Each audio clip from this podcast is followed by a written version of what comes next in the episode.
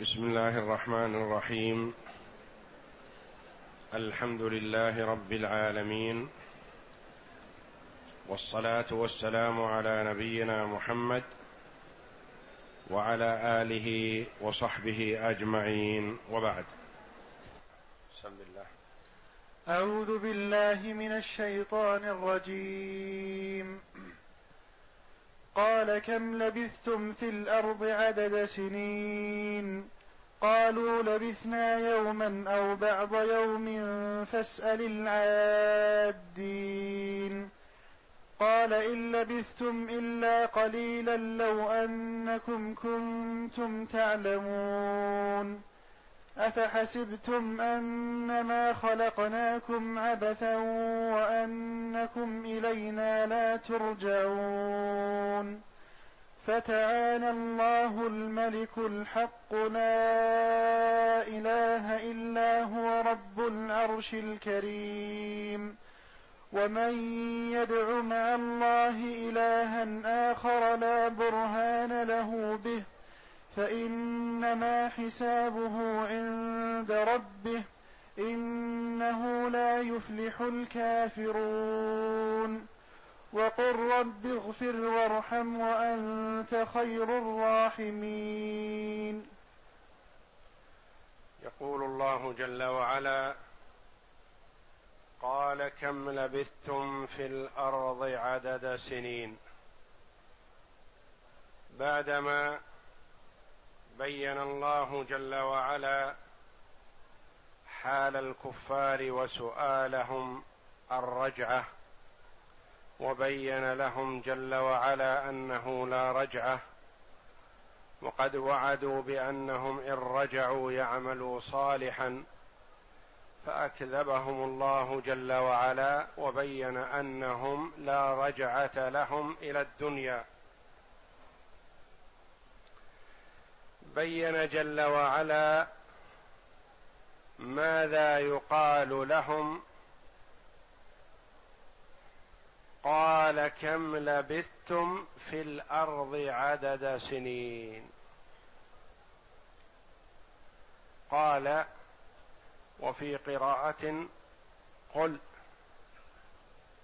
أي قل لهم يا محمد أو قل لهم أيها الملك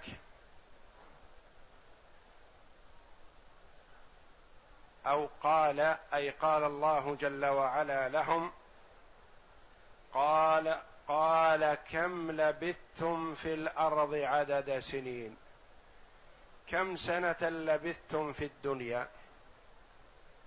أجابوا بأنها يوم أو بعض يوم.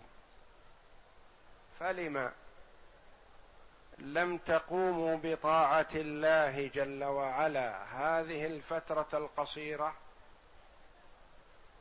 لتسعدوا السعادة الأبدية. فمن ألزم نفسه بطاعة الله في هذا الزمن القصير الزمن الفاني الوقت القليل أعقبه الله جل وعلا سعادة لا يشقى بعدها أبدا. في جنة عرضها السماوات والأرض. ومن أعرض عن طاعة الله في هذا الزمن اليسير القليل الفاني واتبع الشهوات وأعطى نفسه ما تريد من معاصي الله جل وعلا في هذا الزمن القليل أعقب بالعذاب الأليم المستمر والعياذ بالله. فالعاقل من يعمل الأعمال الصالحة في الزمن القليل ليسعد السعادة الأبدية. والجاهل الظالم لنفسه هو من يعطي نفسه ما تتمناه وما تريده من معاصي الله ليعقب نفسه العذاب الأليم المستمر والعياذ بالله. فقد قال الله جل وعلا لهم ذلك على سبيل التوبيخ واللوم والتبكيت أي أنكم بعتم الفاني القليل آثرتموه على المستمر الباقي السعادة الأبدية. قال كم لبثتم في الأرض عدد سنين؟ قالوا لبثنا يوما أو بعض يوم. عدد سنين تمييز لما قبله. والمراد باللبث هنا في الأرض مدة الحياة وقيل مدة الحياة ومدة البقاء في القبر وقيل البقاء في القبر فقط كم لبثتم في جوف الأرض. والظاهر الأول والله أعلم لأنه هو زمن التكليف. ووقت العمل ووقت الإيثار والإعطاء من النفس والتأمر عليها وإلزامها بطاعة الله جل وعلا. قال كم لبثتم في الأرض عدد سنين؟ قالوا لبثنا يوما أو بعض يوم. فاسأل العادين. قالوا لبثنا يوم. ثم اضطربوا وشكوا لقصر مدة الدنيا بالنسبة لما أتاهم من عذاب الآخرة. نسوا الدنيا بكاملها. قالوا أو بعض يوم. لا ليس بيوم كامل. بل بعض يوم. وفي آية أخرى قال الله جل وعلا ويوم تقوم الساعة يقسم المجرمون ما لبثوا غير ساعة كذلك كانوا يؤفكون. وأما المؤمنون فجوابهم صحيح سديد. وقال الذين أوتوا العلم والإيمان لقد لبثتم في كتاب الله إلى يوم البعث فهذا يوم البعث ولكنكم كنتم لا تعلمون. أما الكفار فمضطربون لما أتاهم من العذاب الأليم في القبر وبعد البعث لأن هذا السؤال يسألونه وهم في النار بعد قول الله جل وعلا لهم اخسأوا فيها ولا تكلمون. قالوا لبثنا يوما أو بعض يوم. فلما اضطربوا تبرأوا وقالوا فاسأل العادين لا ندري.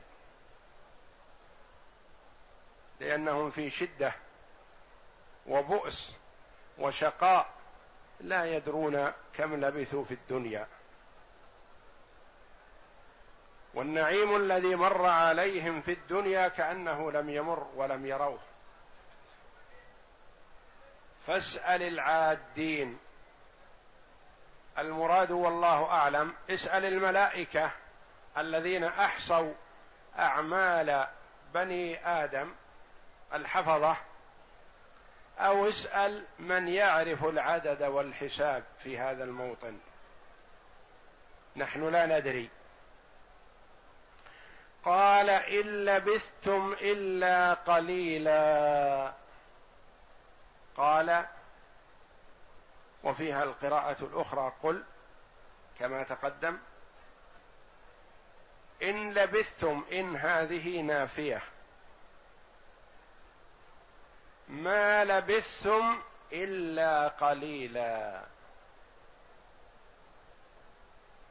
قال إن لبثتم ما لبثتم إلا قليلا يعني زمنا يسيرا بالنسبة وذلك أن الدنيا إذا قورنت بالآخرة فهي يسيرة. العمر الذي يعمره ابن آدم مهما عمر فإن ذلك يسير جدا بالنسبة لعمر الآخرة لأن الآخرة باقية لا تفنى. قال إن لبثتم إلا قليلا لو أنكم كنتم تعلمون.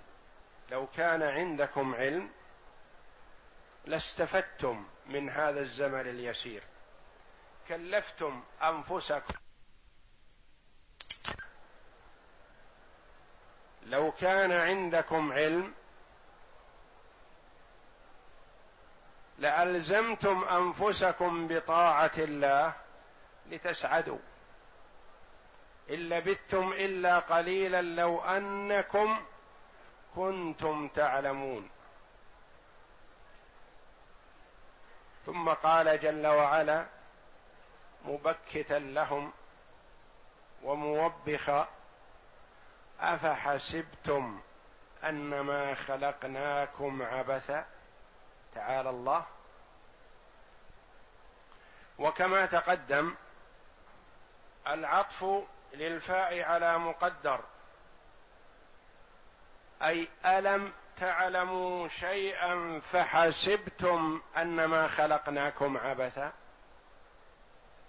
ظننتم أنكم خلقتم عبثا منا؟ أو خلقتم لتعبثوا؟ لا ليس الأمر كذلك. فعبثا حال أي عابثين. على تقدير حال من الفاعل أو حال من المفعول. أي خلقناكم عابثين والعبث اللعب. أو خلقناكم لتعبثوا. لتكونوا كالبهائم تأكل وتشرب.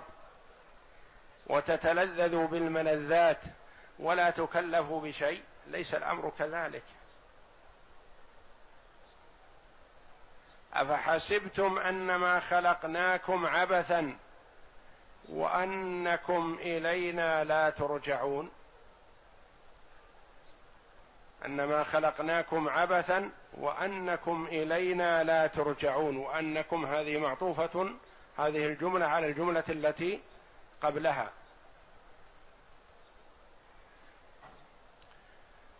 انما خلقناكم عبثا وأنكم إلينا لا ترجعون. يعني لا بعث. تظنون أن لا بعث؟ كما هو ظن الكفار.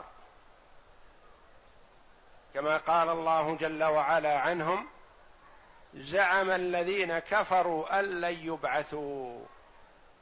كل كافر. لو سئل عن هذا لقال لا بعث ولا حساب. لأنه لو علم أن هناك بعث وحساب لاستعد لذلك.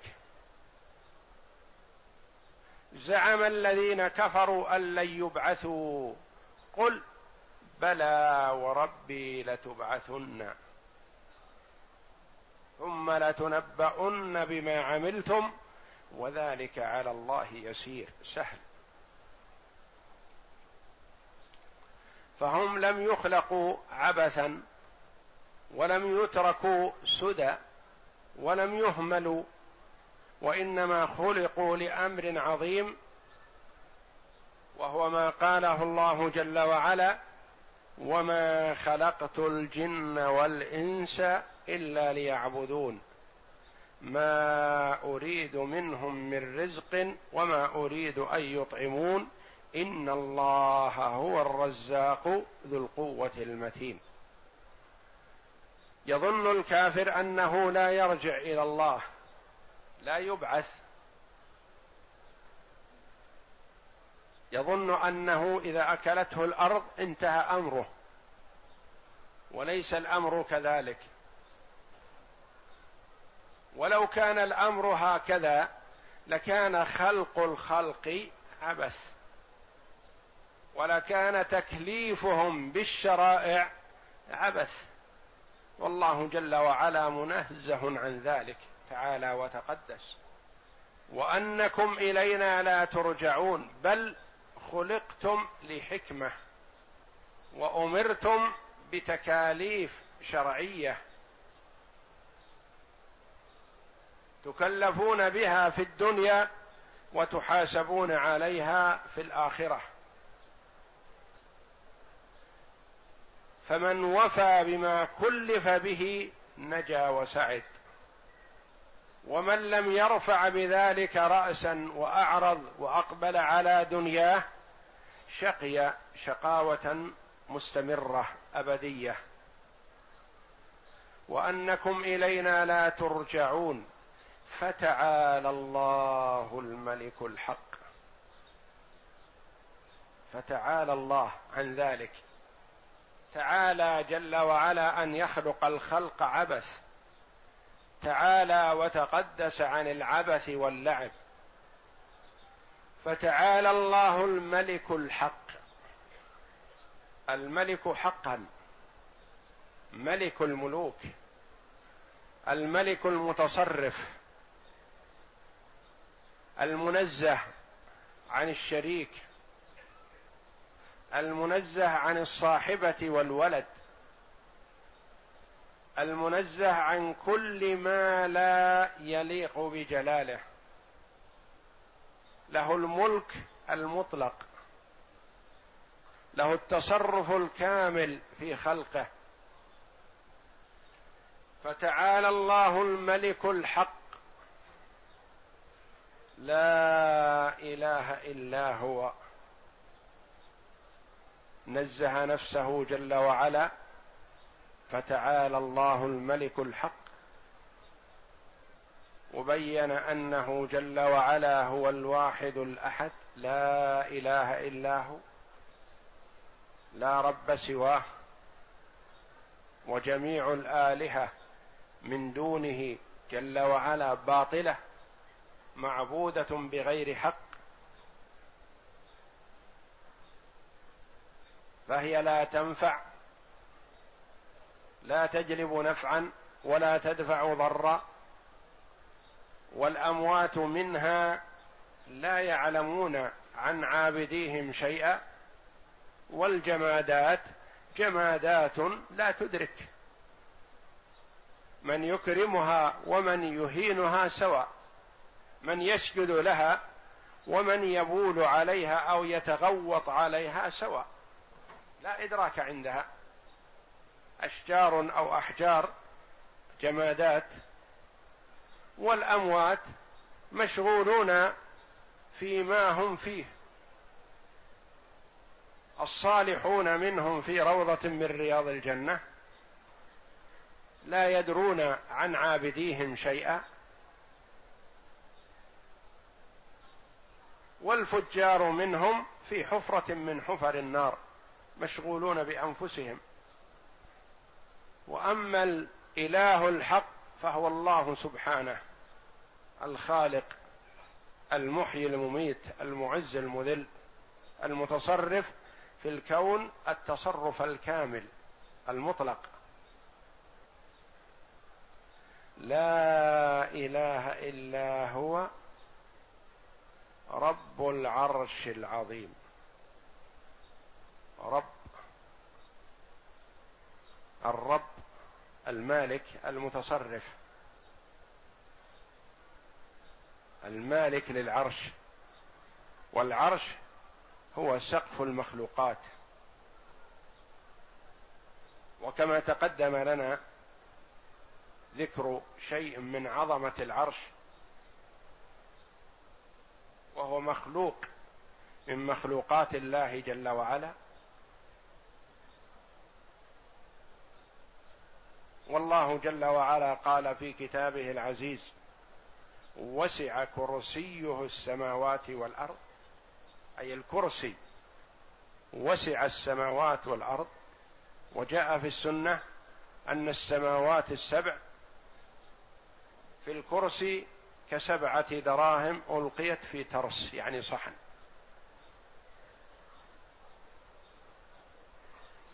والكرسي بالنسبة لعرش الرحمن كحلقة من حديد ملقاة في فلاة من الأرض. والله جل وعلا رب العرش وخالق العرش ومالك العرش فهذا الشيء العظيم الله جل وعلا ربه. فإذا كان جل وعلا هو رب العرش فهو رب ما دون العرش. من باب أولى. رب العرش الكريم. والله جل وعلا وصف العرش بأنه كريم ووصف العرش بأنه عظيم كما تقدم في آيات قريبة. فهو موصوف بهذه الصفات لقربه من الله جل وعلا. والكريم البهي الجميل. وجماله ونوره من نور الله جل وعلا. والعرش هو أعظم المخلوقات. وهو أعلى المخلوقات. هو سقفها.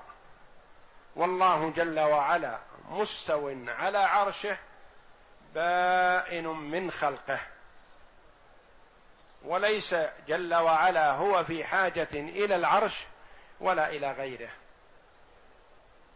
من المخلوقات. وإنما المخلوقات كلها في حاجة إلى الله جل وعلا. لا إله إلا هو رب العرش الكريم. ومن يدع مع الله إلها آخر لا برهان له به له به.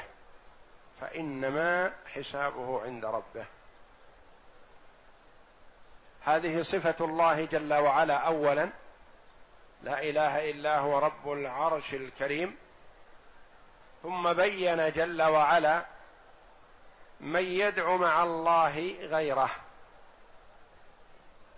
بلا حجة لأنه لا يوجد داع يدعو غير الله ومعه حجة ابدا. ومن يدعو مع الله الها آخر من هنا؟ اسم شرط شرطية. ويدعو فعل الشرط. ومن يدعو مع الله الها آخر. وجواب الشرط فإنما حسابه عند ربه. وقوله لا برهان له به صفة. لهذا الإله المدعو من دون الله. ومن يدعو مع الله إلها آخر لا برهان له به. لا دليل ولا حجة أنه يستحق الدعاء مع الله جل وعلا. وإنما تقليد الآباء وتلاعب الشيطان بالعباد. الذي أقسم بعزة الله جل وعلا فبعزتك لأغوينهم أجمعين.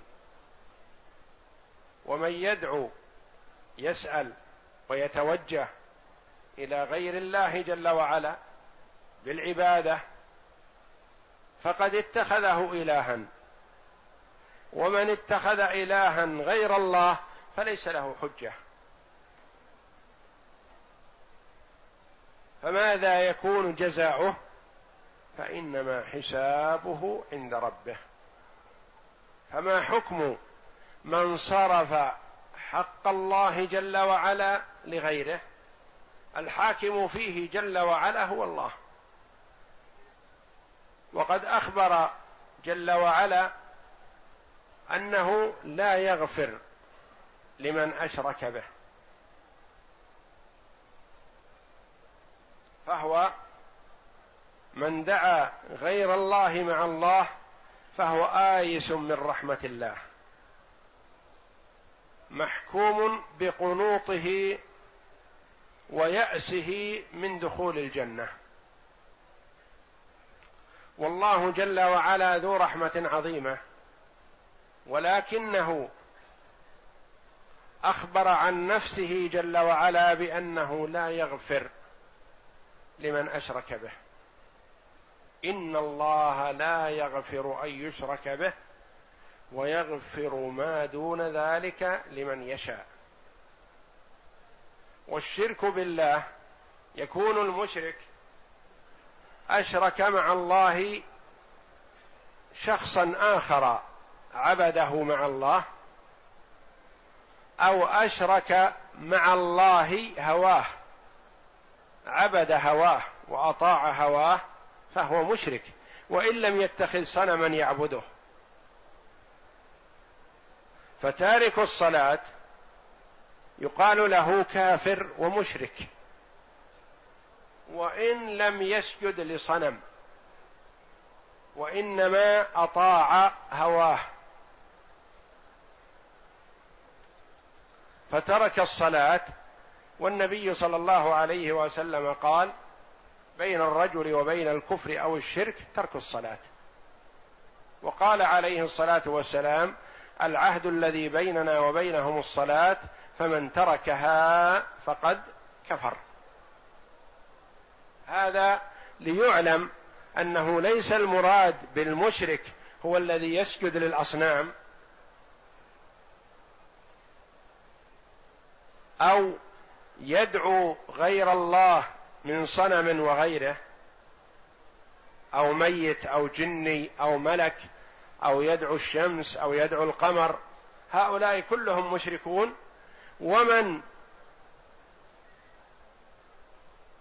أتى بمكفر من المكفرات كفر واعتبر مشرك وإن لم يسجد للأصنام ولم يدعو أحد. وإنما أطاع هواه وكفر بالله. ومن يدعو مع الله إلها آخر لا برهان له به يعني لا دليل ولا حجة معه ولا يوجد حجة اطلاقا مع من عبد غير الله مع الله. فإنما حسابه عند ربه. الفا هنا واقعة في جواب الشرط. فإنما حسابه عند ربه يعني يحاسبه الله جل وعلا على ذلك. إنه لا يفلح الكافرون. يعني هؤلاء كفار والله جل وعلا أكد بأنهم لا يفلحون ولا يفلح أي كافر. انه بعيد كل البعد عن الفلاح والسعادة. والله جل وعلا افتتح هذه السورة بفلاح المؤمنين. لقوله جل وعلا قد أفلح المؤمنون الذين هم في صلاتهم خاشعون. واختتمها جل وعلا بعدم فلاح الكفار. لينظر العاقل الفرق بين الفريقين. إنه لا يفلح الكافرون. بعدما أكد جل وعلا فلاح المؤمنين أكد عدم فلاح الكافرين. إنه لا يفلح الكافرون. وقل رب اغفر وارحم وان إلى الله جل وعلا والتوجه إليه وسؤاله دائما وابدا. الله يغضب إن تركت سؤاله وبني آدم حين يسأل يغضب. الله جل وعلا يحب أن يسأل. فقال جل وعلا وقل رب اغفر. ولعل في حذف المفعول حكمة التعميم. ما قال وقل رب اغفر لي وقل رب اغفر. فهو عليه الصلاة والسلام يدعو لنفسه ويدعو لأمته. يدعو لأمة الإجابة الذين أجابوه واستجابوا لدعوته وامتثلوا اوامره واجتنبوا نواهيه. حققوا بذلك معنى شهادة أن محمدا رسول الله. فاستحقوا بذلك دعوة النبي صلى الله عليه وسلم ربه بأن يغفر لهم. ودعوته صلى الله عليه وسلم مستجابة. وقل رب اغفر استر العيوب والذنوب وامحها فالله جل وعلا يسترها عن العباد ويمحى عن الفاعل الإثم. وقل رب اغفر وارحم. ارحمني برحمتك التي وسعت كل شيء. وهو جل وعلا أرحم الراحمين. وهو جل وعلا أرحم من الوالدين بأولادهما. ومن رحمته جل وعلا أن وصى الوالدين بالأولاد. فقال تعالى يوصيكم الله في أولادكم. ووصى الأولاد بالوالدين فقال تعالى وقضى ربك ألا تعبدوا إلا إياه وبالوالدين إحسانا.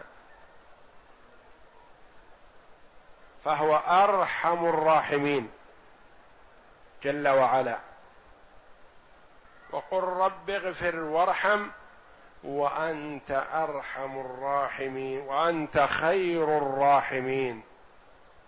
فهو خير الراحمين جل وعلا وهو الموصوف بصفات الكمال.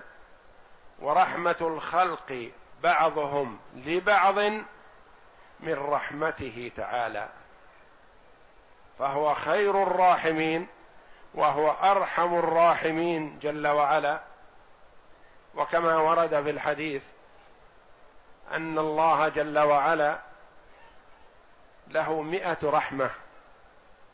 ادخر منها تسعة وتسعين ليوم القيامة يرحم بها عباده المؤمنين ورحمة جعلها بين العباد في الدنيا وزعها على العباد من أولهم على الخلق من الجن والإنس والحيوان والعقلاء. ومن تلك الرحمة كما ورد في الحديث ترفع الدابة حافرها لئلا يصيب ولدها. والله جل وعلا يعلم عباده الدعاء والتضرع إليه ويعدهم بالإجابة. وإذا سألك عبادي عني فإني قريب أجيب دعوة الداع إذا دعان فليستجيبوا لي وليؤمنوا بي لعلهم يرشدون. فهو جل وعلا يحب أن يسأل ليجيب ويعطي. سبحانه. وقال ربكم ادعوني أستجب لكم. وعلى المؤمن أن يلح على الله جل وعلا في الدعاء ويتضرع دائما وأبدا ويوقن بالإجابة. عليه أن يوقن بالإجابة ما لم يدعو بإثم أو قطيعة رحم. وإجابة الله جل وعلا لعباده كما ورد في الحديث على ثلاثة أوجه. إما أن يعجل الله لعبده دعوته. يسأل الله جل وعلا شيئا فيعطيه إياه. وإما أن يدخر له في الدار الآخرة ما هو خير له مما دعا به. كأن يسأل الله جل وعلا ولدا فالله جل وعلا يجيب له دعوته هذه ولا يعطيه الولد في الدنيا وإنما يدخر له في الآخرة ما هو خير له. لأنه يعلم جل وعلا أنه لو أعطاه الولد في الدنيا لربما ضره. أو يدفع عنه من السوء ما هو خير له مما دعا به. فهي على ثلاثة أوجه ولما أخبر النبي صلى الله عليه وسلم الصحابة رضي الله عنهم بذلك قالوا اذا نكثر ما دام أن الدعوة مستجابة لا محالة. والإجابة على وجه من هذه الوجوه الثلاثة اذا نكثر. قال النبي صلى الله عليه وسلم الله أكثر. مهما سأله الخلق فالله جل وعلا يعطي العطاء الجزيل ولا ينفد ما عنده. وعلى العبد إذا دعا أن يحذر موانع الإجابة لأن كما أن للإجابة مسببات فكذلك للإجابة موانع. قد يدعو المرء بالدعاء الكثير ولا يستجاب له. لما؟ لأن عنده مانع من موانع الإجابة.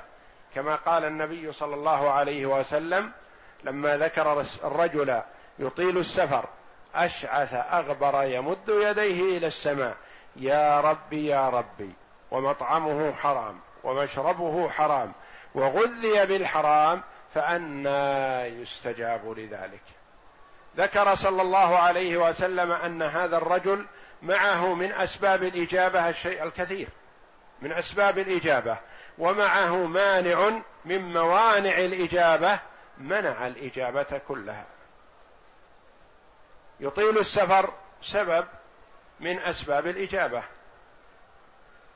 يمد يديه إلى السماء رفع اليدين إلى السماء من أسباب الإجابة. تكرار الندى والدعاء يا ربي يا ربي من أسباب الإجابة. التضرع إلى الله من أسباب الإجابة.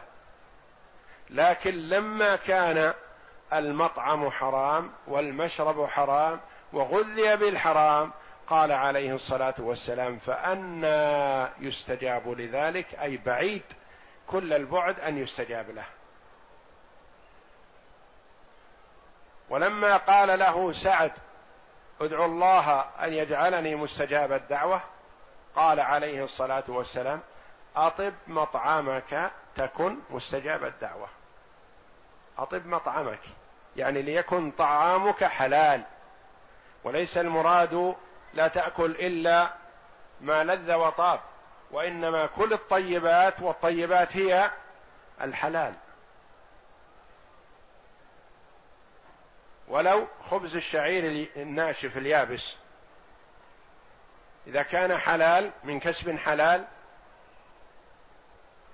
لم يدخله ويمازجه الحرام الربا أو الغش أو الخيانة أو السرقة لم يدخل عليه مال الغير بغير حق أطب مطعمك تكن مستجاب الدعوة. فالمسلم يحرص على المطعم الحلال الطيب البعيد عن الشبهة لأجل أن يكون بإذن الله مستجاب الدعوة. يدعو فيستجاب له. وإذا تفطن لنفسه واتخذ أسباب الإجابة فعليه أن يوقن بأن دعوته هذه مجابة ولا محالة. ما دام أنه تفقد نفسه من الموانع فالله جل وعلا قال وقال ربكم ادعوني أستجب لكم. وإذا سألك عبادي عني فإني قريب أجيب دعوة الداعي إذا دعان. فليستجيبوا لي وليؤمنوا بي لعلهم يرشدون.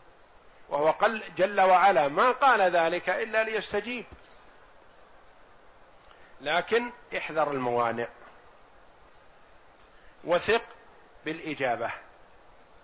إذا ابتعدت عن الموانع وما لم يدعو المرء بإثم أو قطيعة رحم. إذا دعا بقطيعة رحم فلا يستجاب له. إذا دعا بإثم دعا على شخص لا يستحق دعوته رجعت عليه. إذا دعا على شخص لا يستحق ما دعا به عليه رجعت دعوته عليه على الداعي نفسه. لأن صاحبها الذي وجهت إليه لا يستحق. ما لم يدعو بإثم أو قطيعة رحم. فإن دعا بإثم أو قطيعة رحم فلا.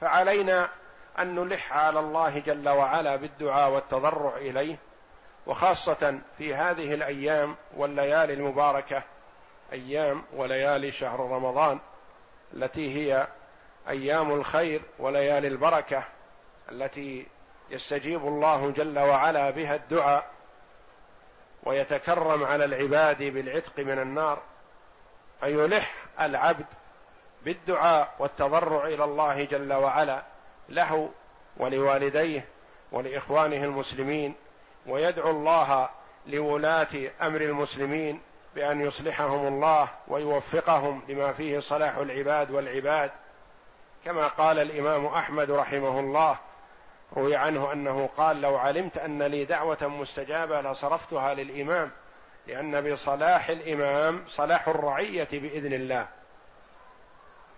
فعلى المسلم أن يتضرع إلى الله جل وعلا في جميع الأوقات وخاصة أوقات الإجابة ما بين الأذان والإقامة وأثناء السجود وفي آخر الليل ووقت السحر خاصة يتضرع إلى الله جل وعلا بما أحب من خيري الدنيا والآخرة. والله جل وعلا ما وعد بالإجابة إلا ليعطي ويستجيب سبحانه وتعالى. والله أعلم. وصلى الله وسلم وبارك على عبده ورسول نبينا محمد وعلى آله وصحبه أجمعين.